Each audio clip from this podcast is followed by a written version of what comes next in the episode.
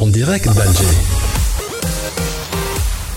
Bonjour, bonjour, en direct d'Alger avec Abdelafir Khnifsa. C'est en direct d'Alger et en direct d'Alger de la rentrée. Nous sommes en septembre. Pour cela, nous allons commencer par la conférence de pénipotentiaire de l'IUT. La 20e conférence pénipotentiaire de l'Union internationale des télécommunications, UIT, se tiendra à Dubaï, Émirats Arabes Unis, du 29 octobre au 16 novembre 2018, en présence des ministres relevant des secteurs des États membres dans l'Algérie. Cette réunion qui se déroule tous les 4 ans vise à actualiser la politique de l'UIT en fonction des évolutions technologiques de télécommunications, de l'information et de la communication. Elle sera l'occasion pour les participants d'élire de nouveaux responsables qui vont assurer la gouvernance de l'UIT et ceux qui vont siéger dans le comité de règlement des radiocommunications. Les ministres en charge des pays des TIC, des pays membres prendront part à cette conférence ainsi que les régulateurs et acteurs des secteurs publics et privés concernés. Mais seuls les délégués ayant les pouvoirs pénipotentiaires participent aux élections et contribuent aux amendements des textes officiel de l'UIT. De prendre part activement à la conférence de Dubaï, les ministres des télécoms africains ont pris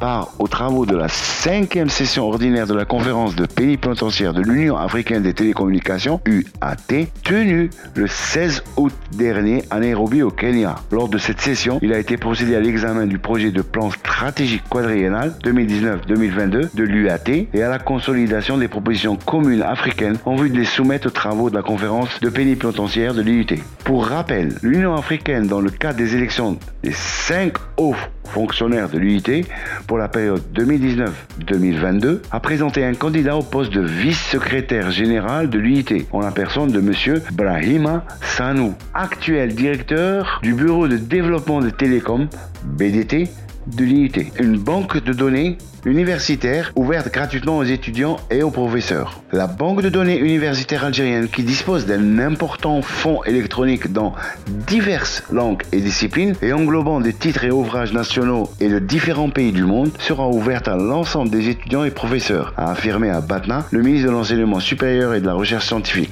Tahar Hadjar. Il a aussi souligné l'impératif de permettre aux membres de la communauté universitaire d'accéder à la banque de données électronique disponible au sein de l'université expliquant que l'accès à ce fonds universitaire électronique sera gratuit pour les professeurs et étudiants à qui codes d'accès à cette base de données seront attribués dans l'objectif de développer et améliorer les connaissances. Troisième info qui constitue donc une info de base qui est le recyclage des déchets en Algérie. Un nouveau système baptisé EcoCollect de récupération notamment d'équipements électroniques usagés sera bientôt introduit dans le guide des centres d'enfouissement technique, les CET, établis par l'Agence nationale des déchets, a annoncé récemment la ministre de l'Environnement et des Énergies renouvelables, Fatima Zohra Zerwati, lors d'une visite à Tebeza. Elle a indiqué, à propos de l'activité de collecte et de recyclage des déchets, que davantage d'encouragement sera accordé aux entreprises actives dans ce domaine, dont surtout des incitations fiscales aux collecteurs de différents matériaux, notamment des récupérations d'équipements électroniques usagés. Les déchets d'équipements électroniques et électriques arrivés en fin de vie ou ayant perdu leurs usages initiaux sont notamment les unités centrales, ordinateurs portables, écrans cathodiques, imprimantes, téléphones fixes ou mobiles, compteurs électroniques, câblage électronique, équipements de sécurité, et équipements de réseau, ont expliqué les spécialistes à ITEMAC, qui relèvent que l'activité de récupération et de recyclage des équipements électroniques est totalement vierge en Algérie, où des dizaines de tonnes d'appareils électriques, électroniques électroménagers usagés attendent d'être collectés et triés pour être recyclés ou placés dans des lieux spéciaux pour être dépollués et sécurisés. Ces spécialistes recommandent notamment la mise en place par les entreprises d'une gestion rigoureuse de leurs déchets, d'équipements électriques et électroniques afin de contribuer à la préservation de l'environnement. Pour ces experts, les entreprises qui ambitionnent d'investir dans ce créneau devront ainsi procéder au traitement des équipements électroniques et des matériaux informatiques usagés en les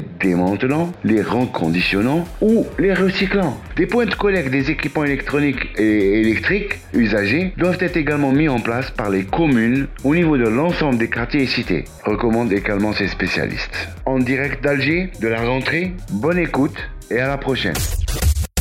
En direct d'Alger.